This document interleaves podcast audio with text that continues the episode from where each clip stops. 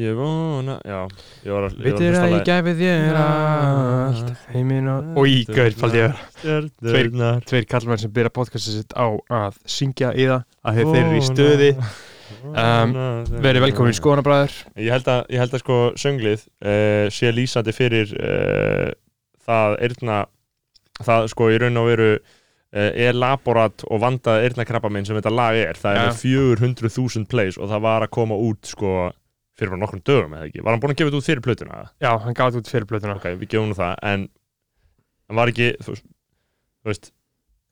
Ég vona, vona uh, Þú veitir að ég gæfi þér allt Heiminn og stjörnurnar, stjörnurnar Ég lofa, ég vona, vona Já, þetta er vinstalasta lag á Íslandi. Það, þetta er sko þú veist þetta er catchy sko. En það sem mér finnst á, á, á, áhugavert uh, er ætli Rás 2 sé að spila þetta lag? Látum okkur nú sjá. Þú veist, ok, og ég, Ég skil gaggrinina sem beinast þessu lagi. Þetta lag hefur fengið ákveði flame. Uh, um, Þetta er vinstalasta lag á Íslandi en þetta er bara, þetta er í 30. og öðru seti á Rás 2 já, En öðru seti, auðvitað er Rás 2 ekkert að spila þetta al almennilega, skilu nei, nei, enda, enda er það fyrir, fyrir þarna, Allt annað, sko En e, þú veist, er, er það fyrir hvern, skilur fyrir hvern er Billie Eilish My Future ef það er ekki fyrir 15 ára, 15 ára krakka? Þá veit ég Sko- ekki fyrir hvað það er, sko. Um, þannig að ég um, veit einhverja skýringu á þessum uh, abstrakt ingangi á þessum bræðarlæstætti, þar sem við hilsum korkinni kynntum okkur, Einmitt. þá uh, er það sem sé uh, það að við ætlum að, að ræða einn svona pistil sem kom í, uh, á, á rúf um, Einmitt, sem tí, að- 10. september fyrir fjórum dögum fyrir helgi. Akkurat, sem að Davíð Roach Gunnarsson skrifaði. Blaðamaður. Uh, og hann er sko kritikall margra ára hjá menningarvefnum hjá Mhm. RÚF og bæði útvarpi og, og á netinu. Uh, og hefur á mínum að staðið sig bara yfirleitt príðilega Já, ég, ég ég, hef haft ég gaman á öllu sem hann skrifar þannig séð og hann er svona skemmtilega bitur. Já, uh, hann er svona skemmtilega skeggjaður já, af því, að, sko, af því að sko fólk verður átt að segja því að það er alltaf, fyrstu viðbröðin við allir svona gaggrinni er alltaf að fara í persónuna sko. Uh, og skiljanlegt, það er alveg auðvöld að fara í persónuna hjá gaggrinnindum af því gaggrinnir eru alltaf scumbags Já, já, og það sem Ha- Hallgrim Helgason sem var inn í síðsæti þegar að voru undirbúa mig fyrir hann þá að horfa á hana útskriðar hans LHI Já. og þá var hann uh, einmitt til talmenta að og bara munið það, munið það, munið það, munið það. Allir gagginandur áttu erfiða sko það, það er þannig. Já. og, og því að annars gerir þetta ekki. Mm -hmm. ég, þú veist, maður hefur skoðan á hlutum og ég gæti sagt rosalega ljóta hlutum margar hluti en ég gerir Mhm. þetta ekki. En ég er rosalega gladur að það sé fólk sem gerir þetta af því það bara er til í þetta einmitt. og til í skítin og þetta er hetjudáð. Finnst, þú veist uh, honum, hann er örugglega búin að hugsa um þetta lengi það getur ekki annað verið þetta er bara gerst í honum og þetta er vandaði pistil þannig já. struktúrar þetta með okkurum hætti og talar, ef við tökum byrjun á honum Einmitt, en áður en gerum það, þá skulle kannski láta vita að fólk sem er að lusta hérna uh, á Spotify eða Apple Podcast um, við erum að reyka hérna þátt í gegnum Patreon. patreon.com skástrík skoðanabröður þar eru þrjár áskriftarleðir þetta eru 5 dólarar mánu til þess að fá þærna þátt í fullri lengt Mhm. annars ertu bara að fara, annars mun, munum við kvætta á þig núna að þegar að good shit Já, er að við erum byrja að sko. þetta og við ætlum að taka, veist, að því ég væri til að fara eins yfir plötuna hans herra og, og ræða eins hvað er gott og slemt í þessu, af því að ég er búin að hlusta þess á þetta já, já, og, Eh. uh, og það er náttúrulega ekki aðalega bara um herra, sko. Nei, nei, og, og alls ekki, en hann tekur náttúrulega lægi stjórnunda sem við vorum að spila já, hann- þetta hann- hann Davíð segir eins, að það sé la, eins og lag með stjórninni og það Já, er náttúrulega ógeðsla fyndið. Mm eh, og, og það er ekki alveg ósatt. Nei, nei, en, en, En- en, það er hluti af margþættum vanda sem bara hnetsmjör er að díla við og við ætlum að ræða það betur. Akkurat, þannig að uh, til þess að hlusta á á þáttinn fullalengt, þú fara að hlusta á þetta eitthvað núna inn á Spotify, Apple eða hvað sem er þá ferðin á patreon.com, skástrík, skoðanabræður. Og þá getur þú fengið þetta inn á Apple Podcasts já, fyrir þig, og áskrifandi eða, verið í appinu og það er alls konar good shit líka. Uh, exclusive ferðarþáttur og tíu aðri mismundi þættir, svona fjármögnum við okkur til þess að Mhm. við getum verið að gera tvo þætti í viku Mm. sem að við erum búin að vera að gera núna í uh, meira en ár og Þetta ekki er- enn klikka á því. mikil, við höfum aldrei bröðust en, en tökum hérna upp á pistilinu minna Já, nú ætlum við að fara Og- yfir í pistilin og það sem er fyrst náttúrulega aðtúa er að það er svolítið skemmtilegt að hann skuli leifa sér á rúf að nota sko rúfstef sem náttúrulega tafnar eitthvað allt annað sko Í hverju er þetta stefið eiginlega? Þetta er alltaf í dánafregnum. Dánafregnum? Já. Já. Það er gott.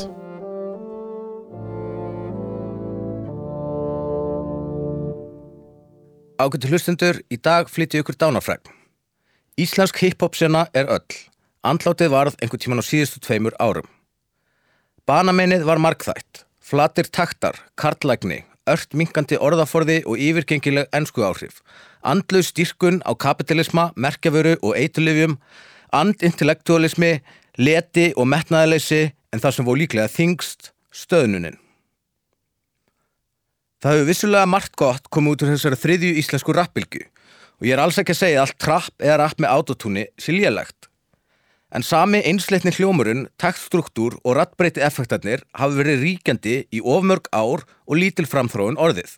Það var ekki allt betra í gamla daga en það er álíka banalt að trúa á stöðu að línulega framþróun til hins betra.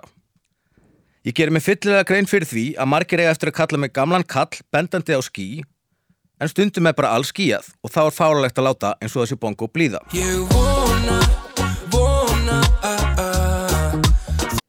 Já, hann, sem- hann, hann, hann Sko- fór sem hjólaði beint í stjórnunar já, já, og sem að mér finnst einmitt sko ágætis punktur í þessu þegar hann er að tala um autotune rap og trapp og setja stjörnunar í þann flokk þegar þetta er bara alls ekki alls ekki, alls ekki sambarlegt herra sko, hnetusmjör, þetta, þetta er bara pjúra poplag. Her, og, og herra hnetusmjör segir það bara sjálfur með stolti að hann sé rappari og poppari sko, og hver segir að ef þú gerir rapp þá mátti ég gera pop og okkur það rapp að vera dögt að við- vinstasti rapparinn gerir pop líka. Sko, það sem, það sem ég finnst að í pislinum, almennt ég, og ég, ég mynda mér að margir að, að hlustundum hafi kannski þegar hlustað á hann og, og allan að tekið þátt í einhverjum umræðum um hann og bla bla bla. Uh, hann er eins og þú ert að segja þetta er svolítið einhlega, það verður að fleia sér öll einu körfu og sem er náttúrulega bara næf af því þú getur um ekki tekið herra hnitsmjör og sett hann í eða þú veist stjörnundar að því herra hnitsmjör ég, ég lít ekki á herra hnitsmjör sem stjörnundar. Ég lít á stjörnundar sem eitthvað sem herra hnitsmjör gerir já, taktíst að því hann veit að þetta skilur Hann- er veistla fyrir mjög marga. Og hann veit það að til þess að geta lifað á listinni á Íslandi þá þarftu að gera tvö fyrir þau einn fyrir sig sko, og, og, og, og það er náttúrulega nákvæmlega veist, það er bara svo sem, það sem ég var bara rétt að segja þetta fyrir nokkrum myndum og það er náttúrulega vandinn sem bara er á höndum herra hnetsmjör Mhm. hann þarf að um, hann veit að, sko þetta er svolítið, þetta er náttúrulega frekar epíst vandamál, af því þú ert með uh, þú ert með rap, það sem eru mjög góða línur. Og efnistökin í rappinu eru eins og hann segir nákvæmlega þér uh, í rappin peninga gera það 100 mismundu vegu. Mhm. efnistökin í því eru peningar og, og völd um, um, já, já, og peningar saman sem völd, bla bla bla um, en peningarnir þurfa að koma með einhverjum hætti en peningarnir mun ekkert koma og gerir bara eitthvað old school rap sem er með einhverjum góðum línum Mhm. þannig að það þarf að fjármagna það með rusli Mhm. skilur og uh, rusli finnst þér já, finnst mér einmitt. en ég, ha, ég, Eh. mér finnst þetta sama tíma ekki rusl Nei. ég elska stjórnundar og ég myndir og ég hlusta, þú heyrðir að ég var að fara að rau- raula já, þetta já. þetta er katsi lag en þú veist, ég ætla ekki að segja að þetta sé skilur eitthvað immakulat listaverk uh, eins og önnur lög sem herra Hnitsmur hefur gert. Uh, en þetta setur hann allt í sama pott og einmitt sko, autotune, það er náttúrulega þú veist, hann segir, ég er alls ekki að segja að allt trapp eða rapp með autotune sé lélegt. Uh, Ertu þá að segja flest sé það lélegt Já, já. og hefur þar með ekkert smekk fyrir því kannski endilega? Og sko á sama tíma á skilja alveg rótsaran að taka skilur að taka að taka smá jab veist þetta er eina sem skapar umræðu og þetta Mhm. hefur skapar umverulega umræðu Já, bara, og þannig að það komið fram þá bara finnst mér það epic hann hefði skrifað hana sko. ég ég, bara, ég ég, mjög ánægð með það ég sko. elskaði þegar ég fekk þetta sendt Já. uh, á föstaskvöldi, einhver sendi mér þetta já, og skrifaði Já, og ég, ég var að keira uh, til vestfjörða og bara setja bluetooth strax í hátalarna og bara og spila þetta. Og við spilum þetta í bílnum og þú veist, maður bara svona maður er smá eins og gaurin að það mými sem hækkar fokki mikið þótt að ég sé ósamála mörgu, en ég er sammála líka mörgu í þessu. og talandi rapsnakki að því að skilur beint eftir þetta Já, við, í- við, skulum koma í það þannig við skulum bara lesa upp það sem hann segir meira hérna. Síðan segir hann þetta, eftir að spila stjórnuna og segir hann, þetta er nýja lagið með herran hittismjöri vinsalasta rappara landsins. Og eins og eitt félagi minn orðaði á Twitter það hljómaði dálítið eins og stjórnin. Sami rappari gerði jólalag með Björgvinni Haldósinni í desember og ein, veist, hann, hann segir þetta á svona leiðilegum kaltænum Mhm, tón eins og já. þetta sé eitthvað lame, skilur Mhm. það er þessi leiðilega tugga, rappari eitthvað keep it real, skilur Mhm. eins, og, eins og hann eða verið eitthvað ekki eins og aðrir poppar eða whatever um, síðan segir hann nýjustu vonarstjörnunar sem Alda Music veðjar á er Sigiel, Karl og Haki eru eins og afleitt undanrenna ljósrit af ljósriti eða bólur sem hefur farið svo oft í þvottavélina og þurrkar hann að það er varla neitt prent eftir honum eins og tónlist samin af algoritma mm. ok uh, og, og og þetta er það, þetta hjóla í Aldur Music Squad og ég er ekkert eitthvað alveg ósamála því en mér finnst samt í Sigel, Karl og Haki eða þú veist, ég veit ekki, ég er náttúrulega er ekkert eitthvað alveg sko mér, mér fannst þetta freka fyndið eins og tónlist samin af algoritma og það er alveg mikið til í því hjá Já. af því þetta er ekki beint fram úr stefnuleg frábær episk rapptónlist þetta er bara mjög svona allt í lægi ekkert að þessu. Ég myndi ekki segja þetta ofnbærlega af því að mér það bara særandi fyrir þá að heyra þetta skilur já, En ég er er ekki- þá komið við aftur að því hvað gaggrindir eru mikilvægir að það þarf að vera fólk sem segir sko. segja þetta skilur en, Eh. þú en ég, er, er alveg sammála þessu og þetta er svolítið mikil tónlist samin af algoritma og þetta er rauninni hittir engar sérstakar taugar hjá mér persónulega allavega Nei, og, og já, já, eins og ég segi, sko, en, en það er, ég, ég get ekki alveg útskipt með góða móti hvað það er við hennar pistil sem ég er svona djúblega ósamala. Ég er djúblega ósamala til minnst þegar að ferða hjóla í Young Nico já, já, auðvitað, auðvitað. og er að segja að það sé, skilur eitthvað illa samið og, og akkurat skilur við, að- við, við komum að því að minnst Young Nico ekki vera með skilur svo haki, lögin eru bara eitthvað, lögin heita bara eitthvað svona aftur heim, föðra upp, ringdi mig, bara við allt þetta koncept sko, þetta Mhm. er alltaf svona eitthvað sem getur pyrrað mann ef maður vill, kannski einhverja, eitthvað smá inntak hugsanlega um, en hann, Einmitt, hann heldur hérna áfram og segir uh, þegar forstjóri eignastýringar landsbankans segir í blaðviðtali að Íslands rapp sé uppáhald tónlisti sín og að ársáti fjárfestingabanka öskur syngja græða peningin með nýjasta 11 ára YouTube rappstyrninu þá er endurinn að nálgast. Þegar MC Gauti er farin að vera með jólatónleika og það er búið að setja á markað svo kallar rappsnakk sem er hendulega hægt að kaupa í haugköp í Garðabæ, þá er þetta búið. Þú veist, hvað meinar það með því? Þú veist, hvað, hvað er búið? Endirinn að nálgastu búið þegar menn geta, uh, þegar MC Gauti snér, sér í rauninni mjög sniðugt gapp í markaðnum og getur framfleitt fjölskyldurinn sinni með einhverjum árlegum jólatónleikum. Já, hann er Akkur, akkur er þetta þá búið? ég held að það sé, það er bara svolítið auðvelt að segja þetta en hann, hann er þannig séð veist, ef maður, ef að maður er að skrútina þessa pistilinu sem við erum að gera núna þá Já. getum við auðvitað sagt að þetta hann komin út í skurð hann þarf að segja þetta og þetta er bara, þú veist, Þetta þetta rapsnakk er epic og Já. þeir reynda að buða að koma með fyrir okkur sem þarf að þykja Já, já, einmitt. og líka fyndið við þetta rapsnakk, það er kannski ekki markingum þekkingarleysu sem að ég svona bleima hann alls ekkert fyrir, sko. Rapsnakk eru þess að bara gaurar sem voru í frumkvölaverkefni í mentaskóla, ætli sé ekki MS eða FG, ég man ekki hvort það er. Þeir eru bara að djóka Þetta eru bara einhverjum 17 ára goons Já, sem að búa til eitthvað rapsnakk og sem þetta var er frábært. episk, Þetta- episk vísun í Míkó sem voru með Já. Dab Ranch, Já, og- rapsnakkið og bara episk vísun í bara, þú veist, rapsnakk var bara 90s og síðan var það endurvækjað með Mikos og nú er það á Íslandi. Þetta er bara, ég skil ekki Já, já, ok, en, en, af, af, af, hverju, af hverju þetta er búið þegar þetta er komið, þetta er bara frábært þessi til. Já, já, en, en ég skil alveg, ég, sko, þú veist, að því að út, út í það er farið, þá auðvitað skil ég að, að því ég er, ég er mun meira sammála því að þegar forstjóri eignastýringa landsbankan segir blaðið til að Ísland rap sé uppáhalds tónlisti sín, að þá sé þetta búið. Það er, Að- það, er viðbjöslegt. Að því að þar ertu með establishmentið og um, auðvitað er ekki mikil, sko, uppreisn eftir í tónlistinni þinni og ert að spila fyrir slíka kreðsur. Mm Uh, þetta er, það, það og, og, og, og þeim punkti í greininni er ég mjög sammála. -hmm. á sama tíma er hann alltaf eins og hnetusmjör hefur verið, hnetusmjör hefur verið mjög áfram með það að þú ert bara að græða pening og þú Mhm. ert bara að vinna vinnu og þú ert ekki að hugsa um hvernig þú ert að spila fyrir að upphófu svona alltaf deilur á sínum tíma þegar Jói P. og Króli voru á, á einhverjum ungir sjálfstæðismanna einhverjum, viðbyrði Já. hjá ungur sjálfstæðismannum eh, og auðvitað var eitthvað fyrirsjánlegt að einhverjir uh, einhverjir dörpag leftist væri að fara að Já. gefa þeim smá vesen út af því, skilur ég maður reyndar ekki, þú veist ég, jú, auðvitað fannst mér það líka sökkað, skilur Já, mér finnst það wack, sko. um, en ég, held, ég, ég held að Jópi og Króli myndi ekki gera þetta í dag, sko. nei, og Mér, mér finnst það mjög ólíklegt, sko. og, veist, og ég veit ekki ég veit ekki mitt, skilur hvar mörkin er að liggja, en ég meina maður, maður ímynda sér að eða veist, að að þetta er bara svo þversanakent, vandamáli með rapp er að þetta er svo þversanakent, þú ert Mhm. með fólk sem á að vera ríkt en það á líka að einhver marki ekki að vera hluti af ógeðslega dæminu, skilur Mhm. en á Íslandi þá er þá er eiginlega ekkert hægt að vera ríkur hans að vera hluta af ógeðslegu dæmi líka, skilur uh, ég, ve ég veit ekki, ég, ég get ekki alveg ég get ekki alveg fæst fingur á það, en þú veist, það er svo þversanakent að uh, þú getur ekkert verið átt þessa peninga nema að spila fyrir þetta fólk, skilur Mm. og þetta fólk mun eigna sér menninguna þína Já. uh, fattar eitthvað? Ég, ég, ég get ekki list þetta í hausnum á mér hvar, hvar þú átt að draga mörkin. Nei, nei, það, það, það er bara þessi krafa um að sem að er svona svolítið gegnum gangut í þessum pistil, pistil. Þessi krafa svona um að rappara eitthvað keep it real, skilur.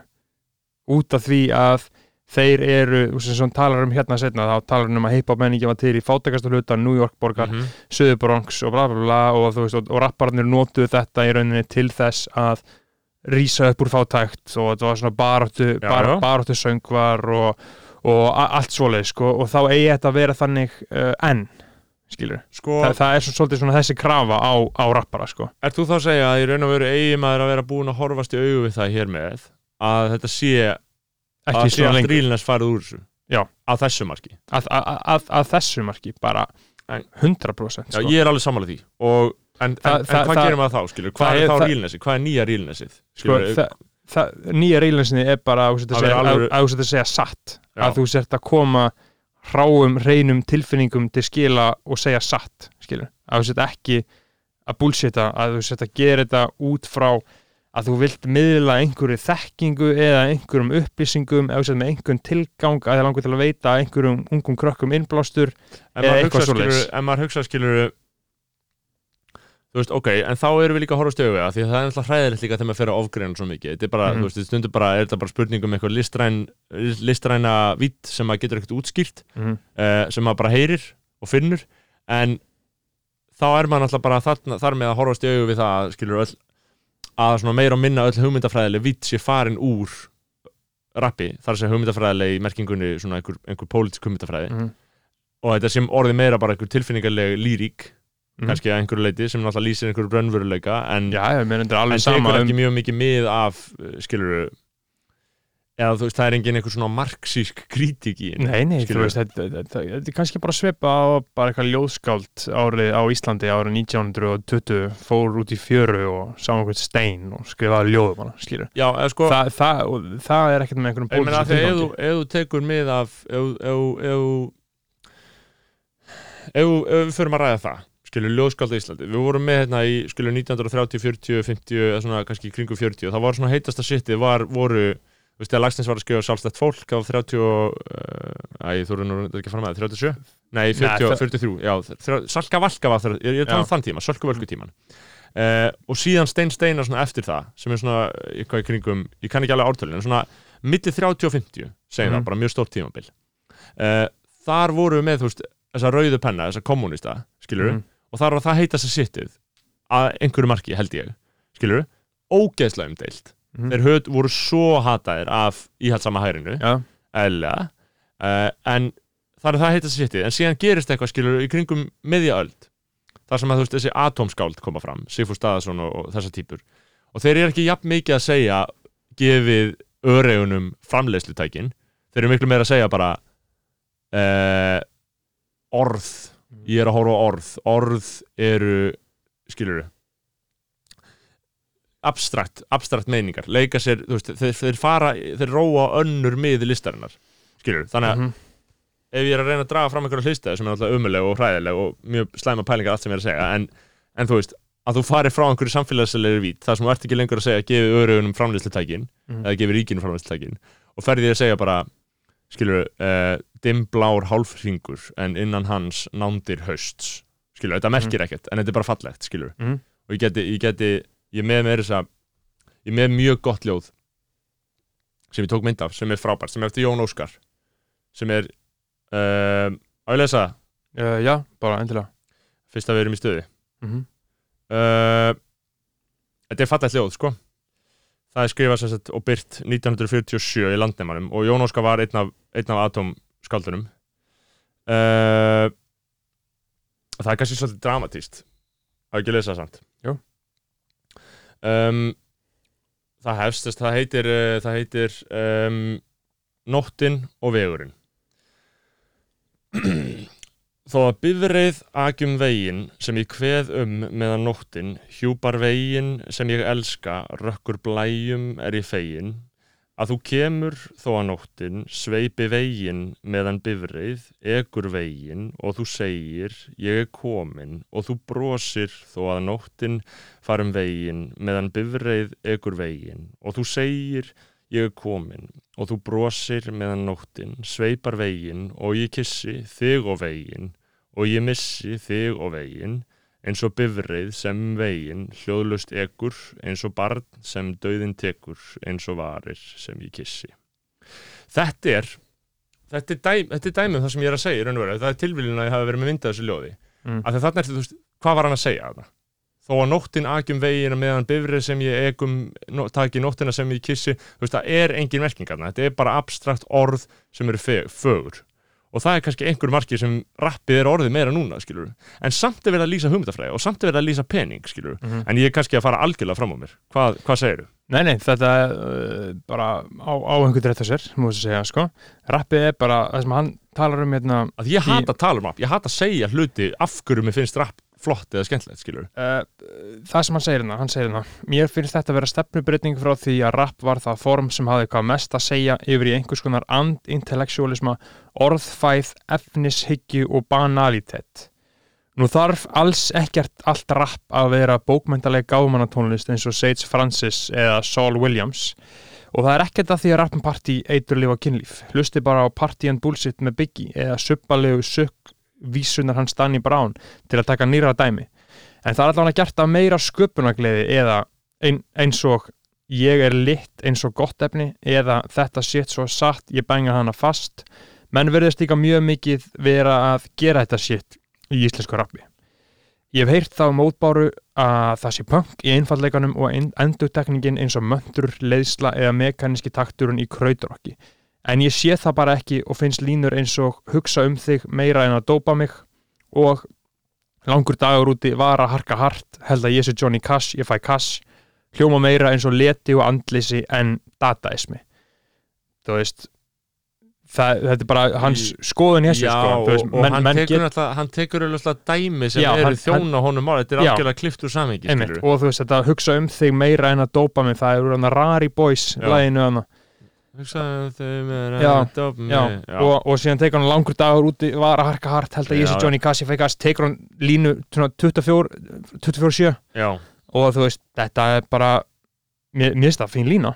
Langur dagur úti var harka hart, held að ég sé Johnny Cash, ég fæ Cash. Ég er alveg samlega því. er Sko- því. En síðan lítur hann framhjá eins og bara 24 þú veist, 24 er einn af okkar bestu rappurum, bara virkilega fær uh, textasmiður og rappari finnst það með einhverja skaldgáfu Já, Eh, og, og hann lítur framhjá bara einhverjum legendary línum eins og þú veist, 24 sagði þarna keifti jóla, borgaði ekki ég er grinch Mhm. mm þetta er snilt. Og síðan segir hann ég var brók, kaftin og brók bara sem er dettur í hug núna sko. Og svo hjóla hann líka í þannig að kvóta erfingjan Já, fl fl floss og af. Ég held að það sé eitthvað sem allir eru sammála um að sé whack að einhverju marki? Já, einmitt, en mér fannst hann samt ekki eiga skilið uh, Þannig að stundinni? Já, nei, nei, nei, hann er það skilið. Hann er ekki skilið, skilur net einaltið sem hann varði, le lendi bara á, ámálið hann er að, þú veist, ef að til að lest kommentin undir myndbóður hans, sko, Mm. það er bara gjörsamlega verið að svífir að greiði strákinu, hann er bara einhver óurugu gauð, bara einhver kvótaerfingi sem var að gera eitthvað rapp fyrir eitthvað samþyggi, skilur mm. og hann bara fekk, sko í- ég hef sjaldan síðan ég anstíkilega komment, sko. Eins og ég segi, sko, menna pistil um, þannig að við festumst ekki onni ykkur onni ykkur Akkurat, uh, ég hata, ég, ég fatta það bara ég bara meðist viðbjöður, mér, mér líður eins og ég sé svolítið skítur ef ég er að tala um rap, hvað Mhm. mér finnst og af hverju mér finnst það, Mhm. ég get ekkit alveg raukstuta, ég get ekkit frekar en bara þetta ljóð þarna, akkur er það fallegt, það þetta er bara einhver ljóð sem er einhver orð sem er einhvern veginn og þau hljóma skringilega, skilur en sko, bottom line uh, Rótsarin, hann stóð sér vel, sko. Ég er Þetta- ánægð með þe- Ég er mjög ánægð með Rótsján Virkilega þetta er bara svona blær af fersku, ferskri epík hjá honum bara. Ég er ósámálaði að rapp sé léðalt í dag skilur. Hann er að horfa fram hjá mjög miklu. Og það sem versta er, hann er að móðga rappara sem eru ekki establisheraðir nema herra, hann tekur herra bara. Síðan tekur hann í CGL Karl, síðan tekur hann Haka 24, Rari Boys, Nico. Hann móðga þá, hann þorir ekki að móðga Byrni, Joey, Flóna, Aron Kahn. Hann, nefnir, hann, hann fer ekki í þá, skilur, hann nafngreinir þá ekki. Sem ég skil alveg, hann vill ekki móðga þá því hann vill kannski vera vinu þeirra eða whatever Ég e- efast- e- stórlega um það. Ég Já. held bara að hann sjá ekki sama skítin þar já, já, ok, en það er það enga veginn sami Já, skítur. Einmitt, einmitt, en ég er að segja, þú veist, hann, hann en þeir, þetta er hann vinsælasta rappið, skilur Já, já. Og síðan er hann að móðga menn sem að gera alveg vinsælt rapp En, sko, en síðan þurfum við náttúrulega líka reyndar að hætta að segja skilur hann sé að móðgá, hann er bara hann er bara gaggrínandi Já, og hann á ekki að þurfa að hugsa um einmitt, þú veist, það á En- ekki að en líta á allt sem svífiringar skilur, hann er bara að segja hluti Mhm. síðan geta þeir bara svara fyrir sér eða fucking drip, eða bara skiti í já, skilur, þú veist Ég, ég, ég, ég vil ekki líta á þetta sem einhverja móðgun eða svífinga, hann er ekki að reyna að vera leiðilegu neitt hann er bara að segja, hann er bara að segja frá menningar ástandi Mhm. og ef við ætlum alltaf að ráðast á þetta sem er eitthvað að reyna að gera einhverja tilrun til þess að henda reyður á veruleikunum okkar þá Mhm. náttúrulega bara verður ekkert eftir, það verður enginn eftir til að tala sko. það er ekki ástæða lausa sem allir eru fucking sáttið þegar einhver svona pistill kemur út að það Mhm. segja þetta neitt neitt lengur og blöðin er ekki meira en að fucking kritir, kritikera Nei, nei, og þess vegna er það sko já, þetta var þetta var ránglega orðað hjá mér já, að móðga, það er bara að tala sko. eða bara svífir það, skilur Einmitt. svífir það, það er gott já. það er ekki, þú veist þetta er bara svona lett svífiring, skilur þetta er það og sko Rogerinn stóð sér virkilega vel Já, í bara, að, að, að þóra þessu sko en síðan náttúrulega síðan voru kommentin á hann pistil sko sem, ég, sem, að ég, sem ég fannst leðileg og pyrrandi sko frá mönnum sem að bara sem að hata rappskýrur og lesa þetta og Þetta var- bara þetta og var- gjörsamlega elska þetta þetta er svona ákveðin uh, óli á eld svona einhverja anti-rap blúsera já, uh, sem eru bara með bindi mm -hmm. skilur Mhm. og ef þú ert með bindi þá náttúrulega er, ertu náttúrulega einhverju marki búin að afsala þér þessum rétti, Mhm. skilur í rauninni sko. Og uh, Danny Deluxe var með gott tweet sko. Þannig að núna er allir, allir orðinir einhver rap sérfræðingar. Uh, bitch you wasn't with me shooting in the gym hérna fyrir sko uh, fimm árum þegar var hart í áni sko þegar menn voru að róa harðan róður í rappinu sko þá voru ekki einhverju sérfræðingar þú veist, öll, ég sko, það sem ég verið að lesa sko, sem að Roger hann tweetaði sjálfur sko, hann tweetaði, uh, tweetaði pislunum og fullt af kommentum myndi það mm -hmm. og síðan uh, Arnar Eggert tónlistakagrandi, mm. postaði þessu líka á Facebook sko. og hvað, var hann sammálað þessu? hann sagði bara ræðið, hann, hann kom ekki með sína skoðun sko, og það, þá fann alltaf miljón komment sko. ok, og þarna, mér fannst það mjög fyndið sko, hérna, komment sko, frá Ólaði Arnalds. Mm. uh, heimsfrægur músikant, tónlistamæður bara svona klassískur klassískur tónlistamæður, mm -hmm. þykir mjög fær á sínu sviði sko. um, og hann segir hérna ég held að COVID sé róttökið banka ársatíðnar og mentaskólabölun hætta bankróla þessa búblu.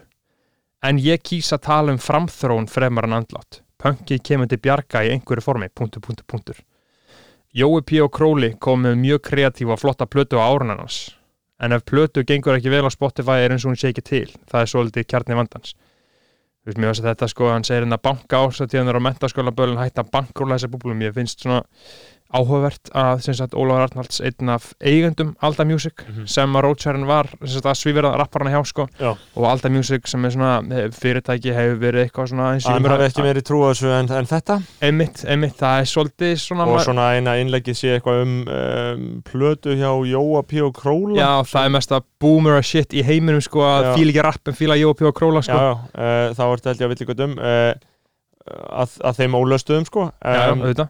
en, En að- mér, var þetta bara svo áhverð hérna sko, banka ársáttíðunar og mentaskóla bölin hætta bankróla þessa búblu Mm. talum mynda í miklum svífjöringatón sko, já, og, Þegar- og svona þeg- fjárhagslega fjárhagslega hræðilegum tón sko, já svona, og þegar hann sagt er eigandi Alda Music með Sjöfla Blöndal og það hefur verið uh, í umræðinni mikið, eða svona í umræðinni það hefur verið rætt milli manna sko Mm. samninganir sem að þeir eru að lokka unga íslenska rappara í.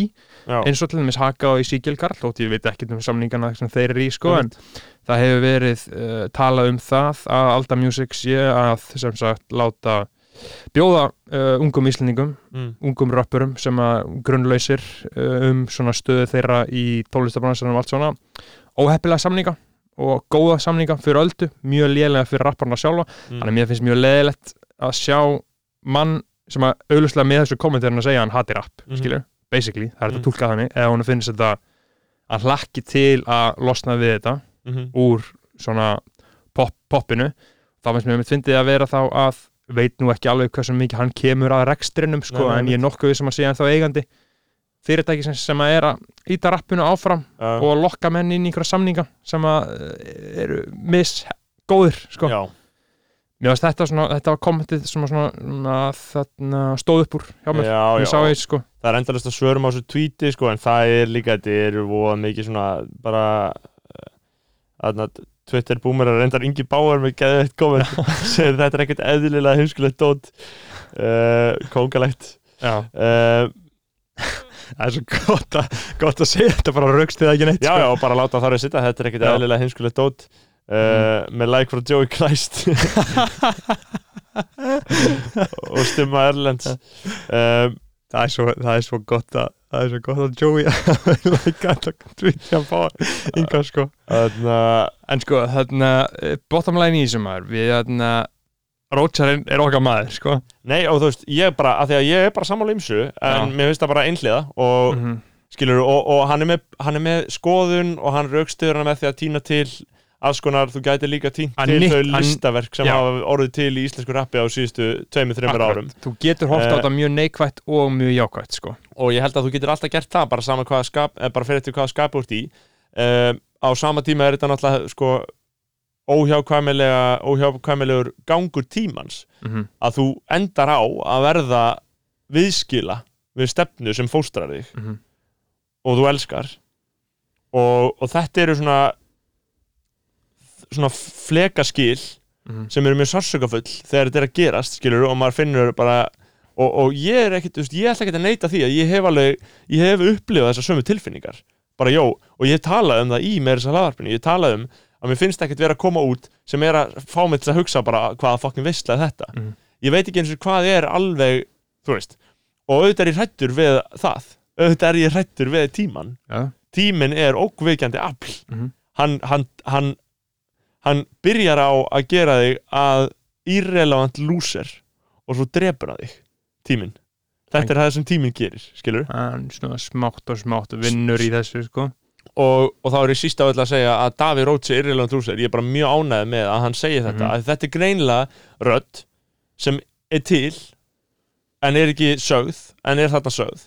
Uh, ég er ósámála, það er grunnurinn. Ég er bara, mér finnst bara mér finnst, skilur, mér finnst uh, lægið hjá til dæmis Flóna og honum aðna, okkar manni, þetta, nei Daniel mér finnst það gæðvilt Bracy já, fólki Bracy, að, já, fólki finnst Bracy umulegt já, það, það er ekki lag fyrir mig allavega nei, sko. ég veit, fólk hefur svífitt Bracy já, já. en ég elska það, skilur og mér er alveg sama, þú veist, bara þegar Flóna er að segja þarna bara eitthvað, skilur bara kam, Bad bitch, og fíla það. Bad bitch og fíla það, skilur Já. og bara koma, það er fríki gælur og það er að koma, þú veist, ég Já. dýrka þetta. Mhm. af því að ég heyri sannleika í hugmyndur hans Flóna, já, skilur já, já, já. ég heyri bara hreinan sannleika og Daníl líka, hann er síðustu sko. það þarf að setja aðeins meiri virðingu á Daníl sko. da, sko, Daníl hefur gefið út mörg góð lög sko, en það sem er aðalega góð er sem ég bara heyrt frá öllum sem hafa verið með Daníl í stúdíónu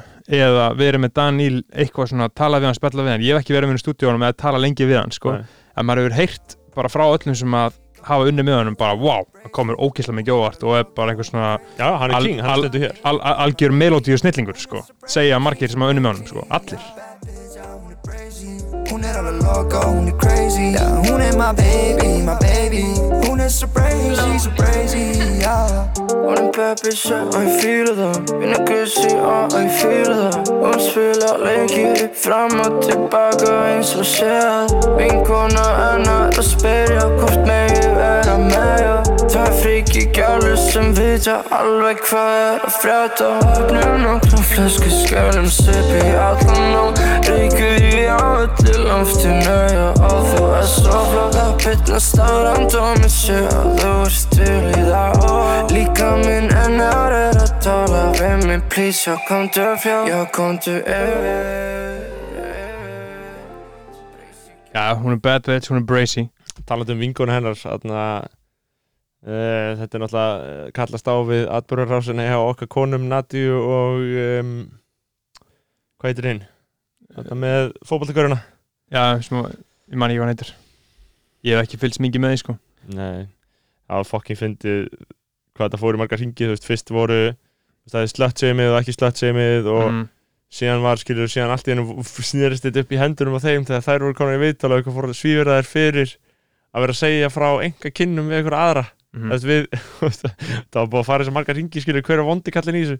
Uh, hver var vondikallin í lokin ég, mér veist, ógeðslegir viðbjöðslegir fótbolta viðbjöðar alltaf Já. vondi kall, eða er það ekki auðlust þeir eru Já. halvvitar og ógeð skilur, já, já, það, já. sem er að fá okkur stelpur upp á hótelherbyggi, viðbjöður Mm. skilur, uh, ég held að það sé alltaf bóttanlega fyrir Já. mig en það var enginn vondi kallur, það gerði enginn neinum neitt uh, bara skilur ég myndi, væri mjög leiður ef það væri þeir að þetta hefði komið myndir út úr þessu, en þeir eru bara óábyrgir og heimskir eiga þetta skili um,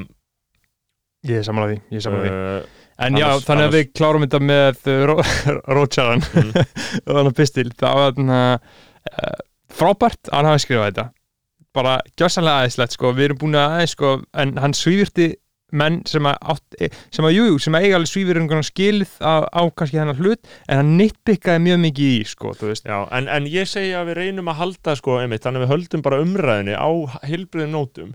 Hann er bara gaggrina, þetta er bara kritík hann er bara að segja hluti, þú veist og í staðin fyrir að segja, þú veist, eins og bara í allri gaggrinni stundum, stundum við gaggrinni bara, já, ok, það stendur ekkert í þessu. Það er ekkert verið að segja neitt, skilur, en þetta kemur bara alvöru skoðun. Já, og eitthvað sem hef, hann hefur verið að hugsa, skilur þetta er búið að Þetta er búið að gerjast gerjast sko. og hann segði það með þess að einhverju Facebook kommentarna uh, hann hefur búið að gerjast, gerjast hana, og, og þá bara, þú veist, þá ætlar alltaf allum kolt að keira, skilur, út af því.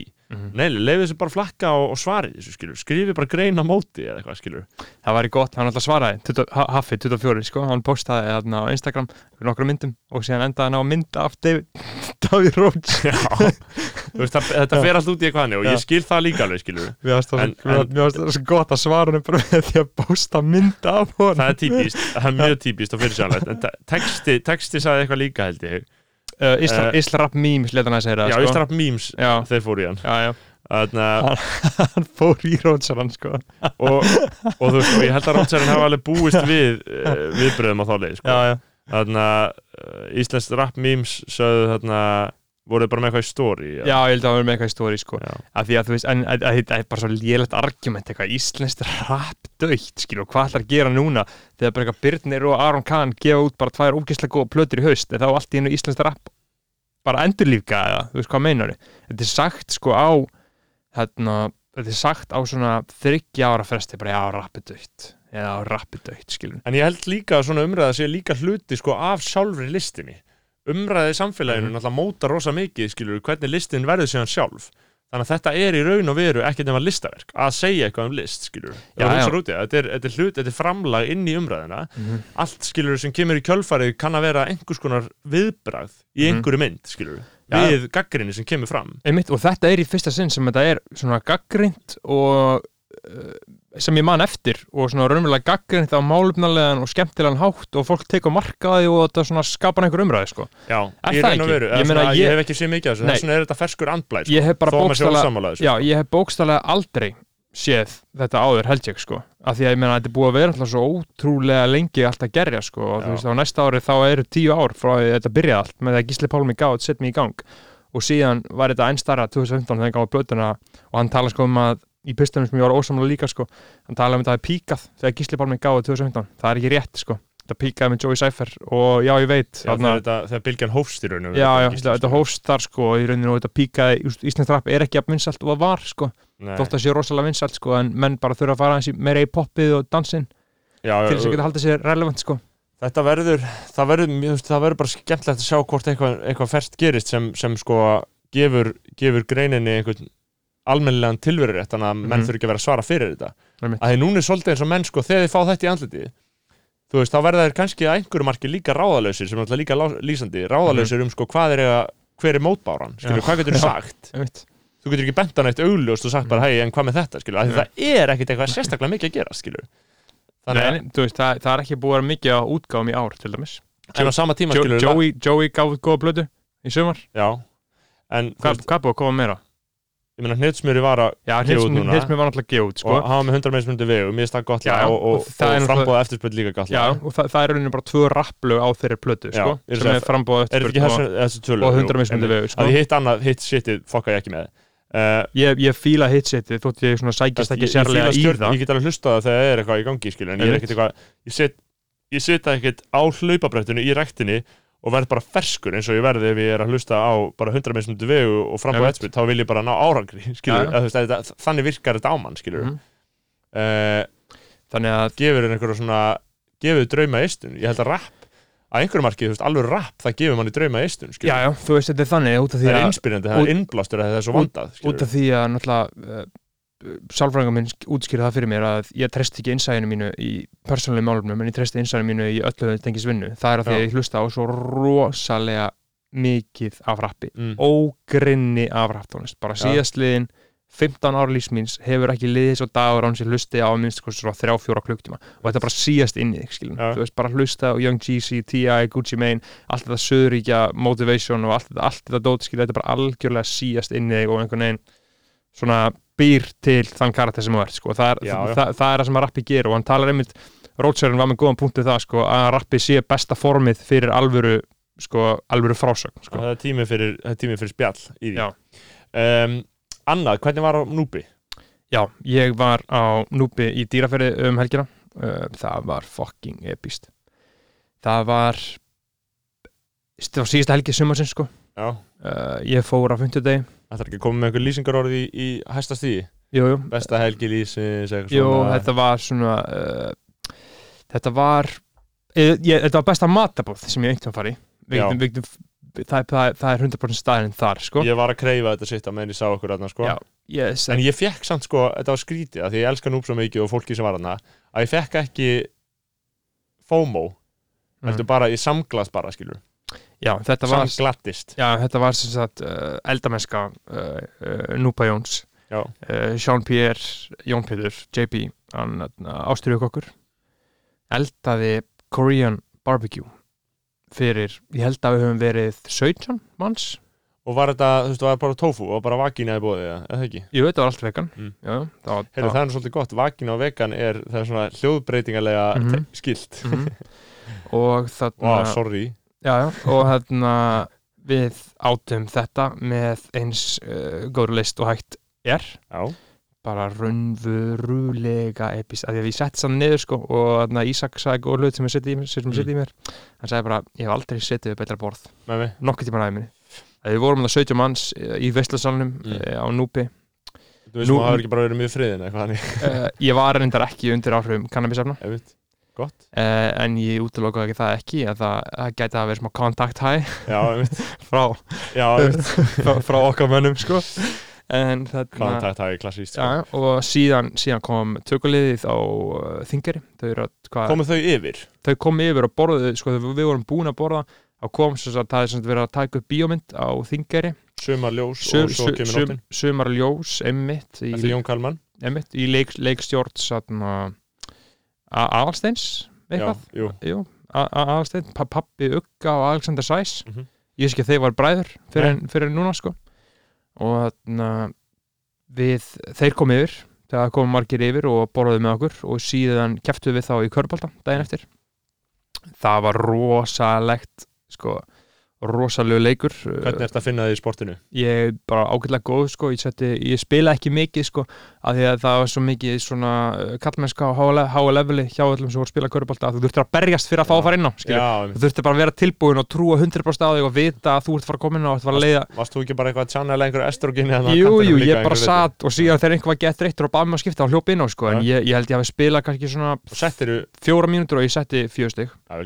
og í fyrirleiknum þá setti ég sex stig. Mm. uh, en þar spilaði miklu meira en ég var með gott ratio sko, en málega það voru sko 40 manns að horfa á leikin Já, var ekki fokkin mikið stemninga? ógeðslega margir að horfa á leikin Og við það að þetta er að gerast á þingari í dýrafyrði á þingir í dýrafyrir og gallin er að þeir óvinnir sem vorum að keppa móti vorum að keppa móti tökuliðin á þessari bíómynd. Og þeir voru með áhörndahóp bara allt krúið og allt fólki sem býr hana og við vorum bara með þú veist, jú, og vorum okkar fólk En þá fáið þið svona underdog stem, Þú veist, Já, við, underdog við, við, við fengum það- svona un, un, underdog stemming skilur, en við vorum bara með bara nokkra konur og nokkra hippa upp í, í stúku Já, skilur En sko það sem gerist þarna er að skilju þú, þú veist, það á að vera, þetta getur orðið drifkraftur svona, þú veist, Já, ok, já. ef við vinnum þá verða allir þessi áhörenda ógeð leiðir, skilju Mhm. Sem er alltaf gott. Og Herbert Guðmundsson söng þjóðsökin sá það. tók, tók, hann fyrir leik sko hann söng hann Can't Walk Away. No, Mm. no, no, no. Og síðan uh, voru tvö atriði hálfleik. Kitty krasa sig tók einn dag í einu. Og Hákon Jóhann, Jó, Jóhannesson Það hann. hann. tók þjóðsöng Núbera Já. Þann, ég, ég get kannski sungið hann fyrir ykkur. Það er þarna ég núberinni við beinið stöndum saman gegnum súrt og sætt. Ég er núberinni við beinið. Stöndum saman gegnum súrt og sætt. Hann tók þetta sagt með, með þetta allt, já. en, já, þetta er allt sko. Þú- og endur tekur þetta og svona hækkar alltaf upp og upp. Er- og, og þú hækkar endan. Þá ertu síðan komin í núberin við beini hljómar. Og, og, og síðan besta er hann endar þetta á sko, endar þetta á þegar hann komin efst upp sko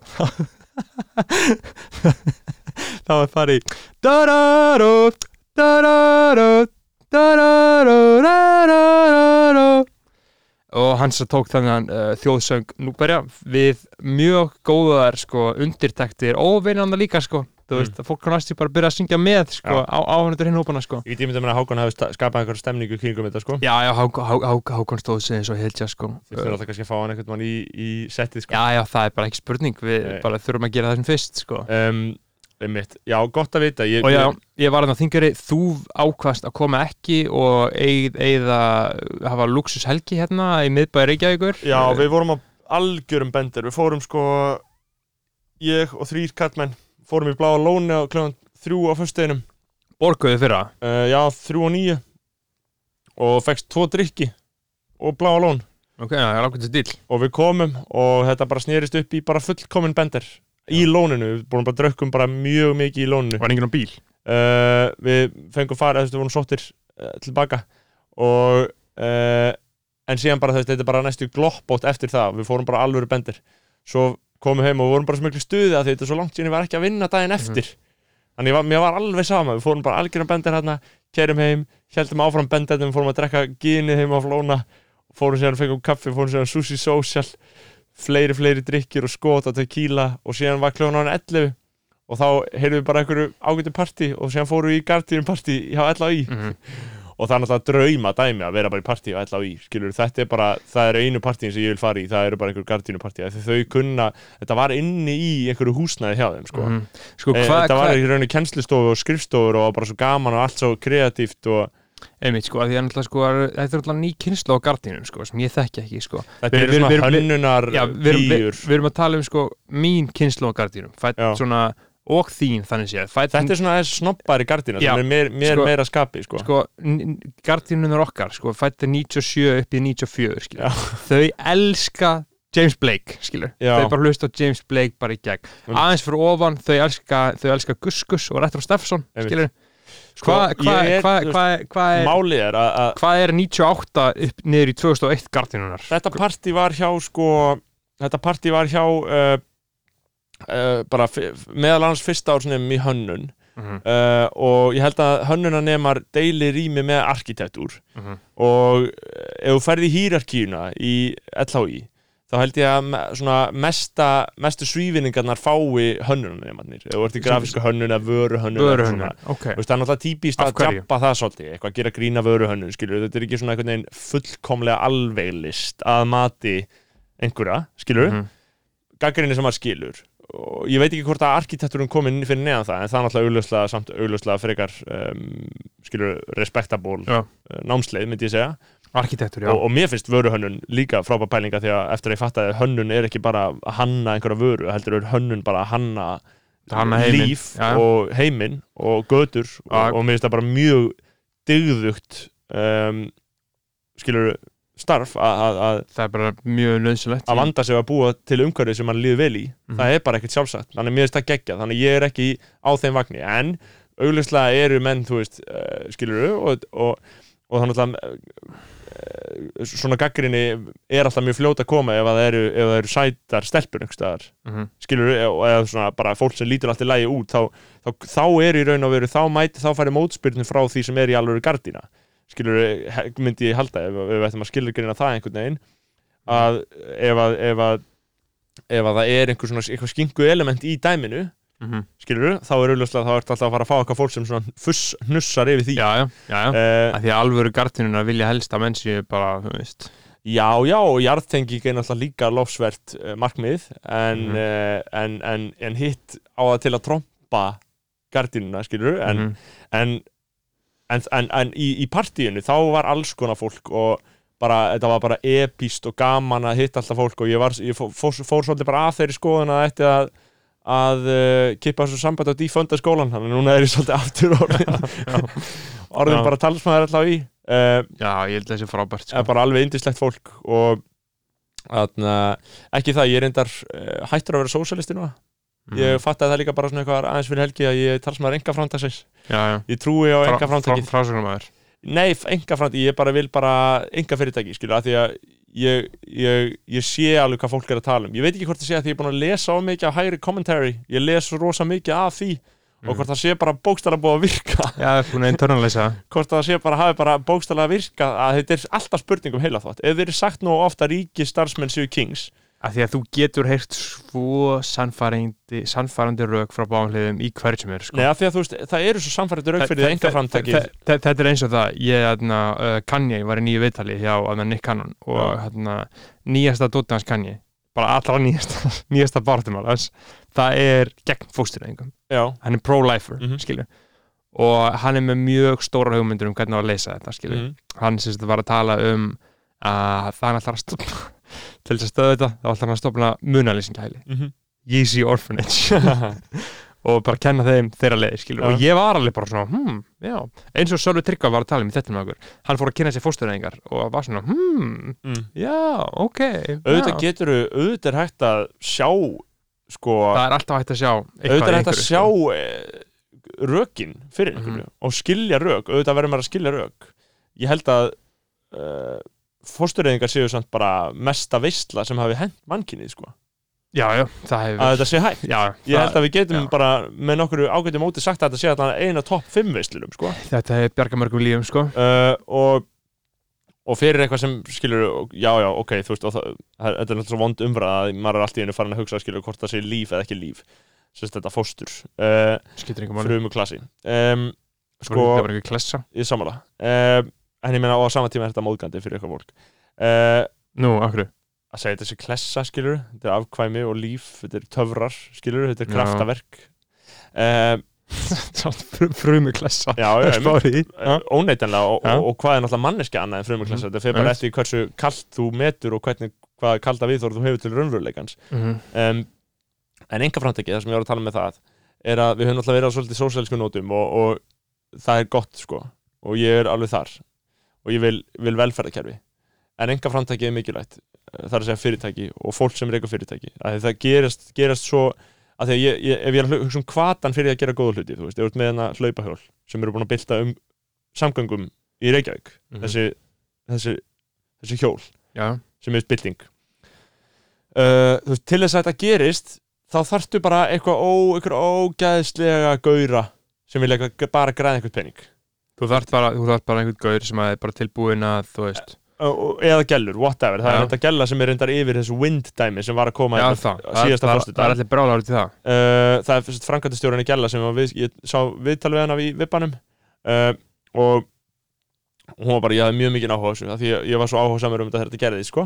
en hver á brjálar út í það, var einhver brjálar út í það? Meina, það er náttúrulega verið að dumpa þessu windhjólm út um allt. Þeir fucking flooded the streets já, sko. heyrðu, svo er það hitt. Það er og PC, PC squat er ekki mikið Nei. að peppa það að þetta því sé á þessum gangstöðum þetta er náttúrulega hræðilegt fyrir aðgengi fyrir Já. fólk sko. bara fyrir falla fólk og blind fólk og allt þetta, þú kemst ekki fram í og það þarf að finna einhverja lausn á því Mhm. að þetta sé ekki að uh, tappa eða þetta búið til stíplu á einmitt um, en einhver síður, það, það sem ég er að reyna að segja er að mm. enga framtækið, það sko, eða sko gróða vonin, hún lætur fólk búa til svo heillandi hluti, skilur uh, en skilur eina leiðin ef þú væri með að því núna er ég sko, núna er ég bara að gasa hugmyndafræði ég er að gasa hægri hugmyndafræði þau eru að þetta bara fyrirvari ég er að gasa hægri hugmyndafræði sem á ekki að vera tekin mjög alvarlega en sannleikurinn er sá að þú ert með gróðavonina sem það er Mhm. draumarnir en, ekki beint draumarnir í eistunum jú, peningurinn Mhm. en eina leiðin, ef þú ert með, með sósælist kerfi, það sem að framleiðslutækin eru í, í uh, höndum um, ríkisvaldsins. Þar að segja þá væri með bara allt í höndum ríkisvaldsins að því það sem Marx sagði og það sem svolítið, eina sem hann sagði var bara færum bara framleiðslutækin í hendur ríkisvaldsins ekki í hendur kapitalista, skilur uh, en, en sérst, ef þú ert með þannig kerfi og allt er á vegum ríkisins þá, og, og, og, og það er engin kvati um að augnast einhverja formúa peningum þá er kvatin þinn skilur þá geta var, þá getur eini kvatiðin bara verið toxic draumar í istunum um vald innan þessa kerfis Mhm. aldrei bara peningur veistu hvað við? Já, þannig að þú veist, ég er hef- alltaf verið saman þessu þannig að þá myndum við bara vilja vinna þig innan einhvers ríkiskerfis mm. og það eru bara toxic draumar í istunum að vilja vald þar meina þannig að það er kannski skömminni skárra að draumarnir í eistunum snúi bara að fjármunum og svo þarf bara að hefta fjármunina og hefta misskiptinguna með, með háum Mhm. sköttum á ríkt fólk að það er hvort sem er svo fucking miklu ríkara en Mhm. skilur þú veist það er haves og not haves skilur það er svo miklu ríkara en þeir sem ekki neitt þannig að það er að breyta því aðeins en að halda kvatanum í þessu sko engaframtakið er eftir allt hugsanlega lausnin en ég gæti farið af þessar skoðun ég fó bara að hugsa þetta um dagina því að ég er búin að tala svo sósælskum nótum og ég er ekki, Já. þú veist, veist, ég hef svolítið mikið alltaf verið á þessari skoðun sko. gerir þetta með að nazi? Er ég nei, nei, nei, nei, þú ert bara svona þú ert bara sósaldemokrat sko, Er þetta ekki bara hinn klassíska sósaldemokrata þetta er uh, Það sem við erum með- sósaldemo sænsk, sænska leiðin sko. Veist, ég vil borga háa skatta og vera með upplugt frýtt heilbyðiskerfi fyrir alla. Ég vil borga háa skatta og vera með upplugt frýtt mentakerfi fyrir alla. Og svo frammeðis og svo frammeðis ég vil að ör, öryrkjar og fólk sem bara getur ekki unni vegna veikinda ég vil að geti lifa mannsæmætti lífi sem er ekki niðurlegandi hverjum degi fyrir það. En, skilur, Mhm. þetta er allt hægt án þess að, án þess að sko Þetta er allt hægt, en það var bara engin að verða anstíkilega, anstíkilega ríkur já, Skilur. það, er að segja, skilur, að því að þú veist ef þú tekur peninga frá andstyggilega, Mhm. andstyggilega ríka fólkinu sem ég vil gera En það, það, það, það væri kannski fínt sko eins og þarna, uh, hún sagði allt var brjálað um Lofabjörg þegar hún tweetaði að enginn ætti að vera meir, með meir en miljón á mánu já. Það væri kannski fínt að kappa það að enginn að vera meir en tvær miljónar á mánu já, já, finna eitthvað svona skynsalegt samkomla en, en vandin er sá að þarna, þú veist, þarna ertu þá bara farin inn á sérhagsmunasvæði hvers og eins, af því að mm -hmm. allir þeir sem voru þá með 2,4 miljónur verða brjálæðir Mhm. uh, og reyndar bútleikararnir þeirra líka sem Já. stökka það eins og fyrir framann. Abu við Mhm.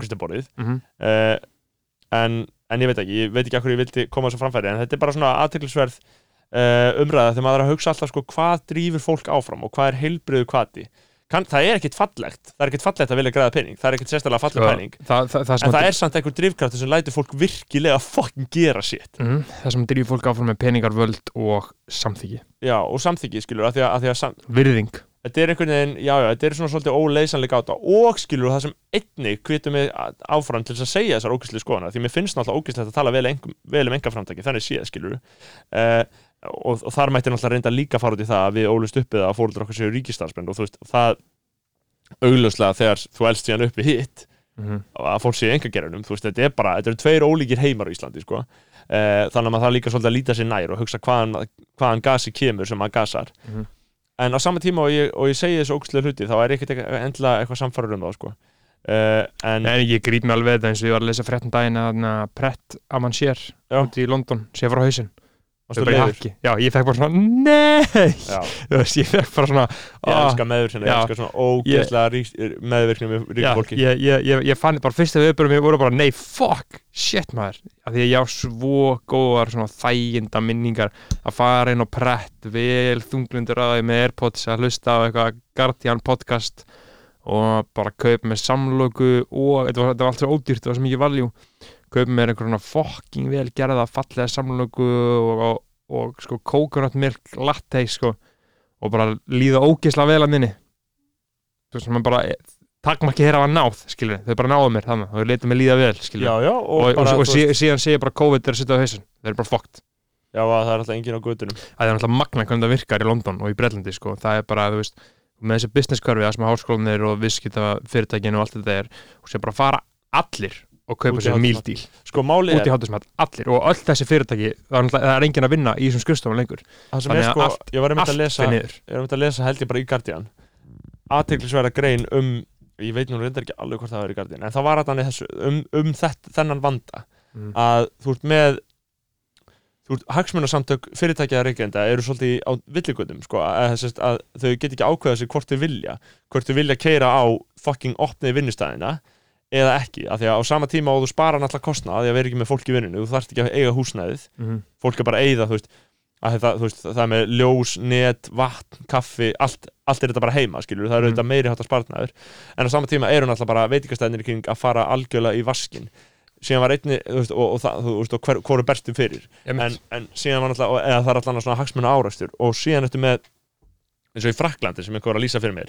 þar ertu með einmitt svona líka svona business hverfi e, þar sem að fólk er, það er svo rosalega mikil hefð fyrir því að þú farir út í hátægismat og þá í stæðin fyrir að fólk vinnustæðir bjóði upp á skilur, mötuneyti þá ferðu einhver staðar á einhvern stað í nágruninu og Mhm. vinnustæðurinn útvegaðir einhvers konar innegn á svona staði Já. og það er náttúrulega rosalega örfandi fyrir allt haggerið þannig að bara allir staðin bara tróðfyllast í hátteginu bara algjör veistla skilur og það er náttúrulega miklu skemmtir en að vera alltaf bara inn í sama mötunöytinu og getur Einmitt. bara farið á valda staði í, í, það er alltaf, alltaf mjög mikið mjög mikið sko uh, hagsmunamál fyrirtækja að, á Íslandi sérstaklega að halda fólkinu inni í hátæðinu sko. Já, að fólk fara ekki út í lönns út af því að það var eitthvað tölfræði já, þetta er mjög, mjög slemt fyrir já ef, ef, ef þú fer út í lönns þá, hálfur er það einn og hálfur tími. Þetta er einn og hálf tími. En ef, þú ert bara í mötuneytinu heima ef þú ert bara upp í hátæðismóum í Mhm. mötuneytinu Já. skilur það tekur korter, 20 já, já, ég borða bara á 20 mín og fer Já, aftur að er bara aftur að finna bara, bara þræls eðli já, já, og, og það er náttúrulega bara veist þannig að þegar maður skilur þú veist, þegar maður þræls lundin hún er líka alltaf svo hliðhóll uh, vinnu, vinnuveitenda að þú veist, Mhm. maður hugsa takk fyrir að vera svona góður að gefa mér mötuneyti Já, Skilurðu? bara takk fyrir að láta mig borga þegar, fyrir, fyrir matinn þegar það er bara algjörlega taktist Já. að halda þér í húsi sko. Já. Ó, maður, það var svo lífið var svo ljúft þegar ég var að vinna, á, vinna, fyrir sín sko, og að það möta er þetta þar svo sko. næs að vera með heitt mötuneyti Já. að það er bara þú veist, mér finnst það bara, það gæti verið do or Mhm. die í vinnuvali framtíðar, sko. Já. maður er svo einfaldur bara að geta borða, að þá þarf ég ekki að borða heima á mér. Mm þarf ég ekki að borða heima á mér? Og fæum bara eina litla skýrt og sem kvöldvandum Já, ljúft líf. Núna er ég alltaf að elda ó, leiðilegasta fucking drasl sem ég veit um, já, já, Ég held það ekki, ég bór alltaf bara að skýra það ára gott egg sko. hefur ekki að fara að setja lag og fucking hætta þessu Jú, þannig að uh, ef ekki hlusta bara að sitta á okkur Níko klassíka mm, þannig að nenni ekki að svara síma minn Sittum smá verðingu á uh, ungan Níko Veðurkvöð Young Níko Drippin. Uh, hann var eitthvað svíurtur í þessum pisli Rótsjarans en ekkert svona sérstaklega og síðan bara setjum við líka setja virðingu á Rótsjaran fyrir að hafa nett að gera þetta og þarna, og ykkur kjær hlustuðu fyrir að Já. hlusta alla leið í gegn. Og segið vinum ykkur að drulla sér á Patreon Bye bye. Ungu drengur ekki fokka upp. Stapla stór til að fljúa burt Fór út, kom aftur inn. Ég nenni ekki að svara í síma minn. Ungu drengur ekki fokka upp. Stapla stór til að fljúa burt Fór út, kom aftur inn nenni ekki svara síma minn Ég nenni ekki svara síma minn Ég nenni ekki svara síma minn Svo bitch hættu að hringi mig iPhone sem ég tala í og ég var að tala við plugin mig Þetta hér er Gucci skókassi Ég fylli hann að fokka sælum, já Gerir þetta í fokkin allan dag Þú veist ég elskar til að sæla, já Ég er chillin inn í stofunni Reiki bak út í glugganum Passa mig samt á tólfunni Sengti úti á nóttunni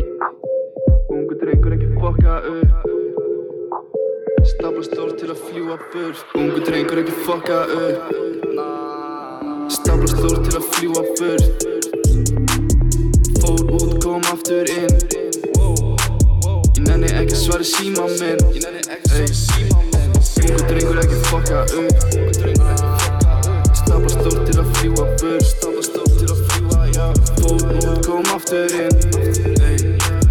Ég nenni ekki í síma minn Sendlar andin í svítunni Þessi gæl hún fílar þetta fríki sitt Ég með nokkra á línunni Og motherfucks eru bíðandi. Þessi gaurar eru fíndir, eru lost. Myndu ekki finna mig Þótt að þeir væru með kort Ég á vini sem að púla upp með glokk Borgar ekki því því að við gerum þetta off. Bitch ég er ungur, ríkur flýgur, ungur boss Rocka Hugo Boss og ég með vatnið eins og foss. Ungu drengur ekki fokka upp. Stapla stór til að fljúa burt. Fór út, kom aftur inn. Ég nenni ekki að svara í síma minn. Minn Ungu drengur ekki fokka upp. Stapla stór til að fljúa burt. Fór út, kom aftur inn Ég nenni ekki að svara í síma minn Ég nenni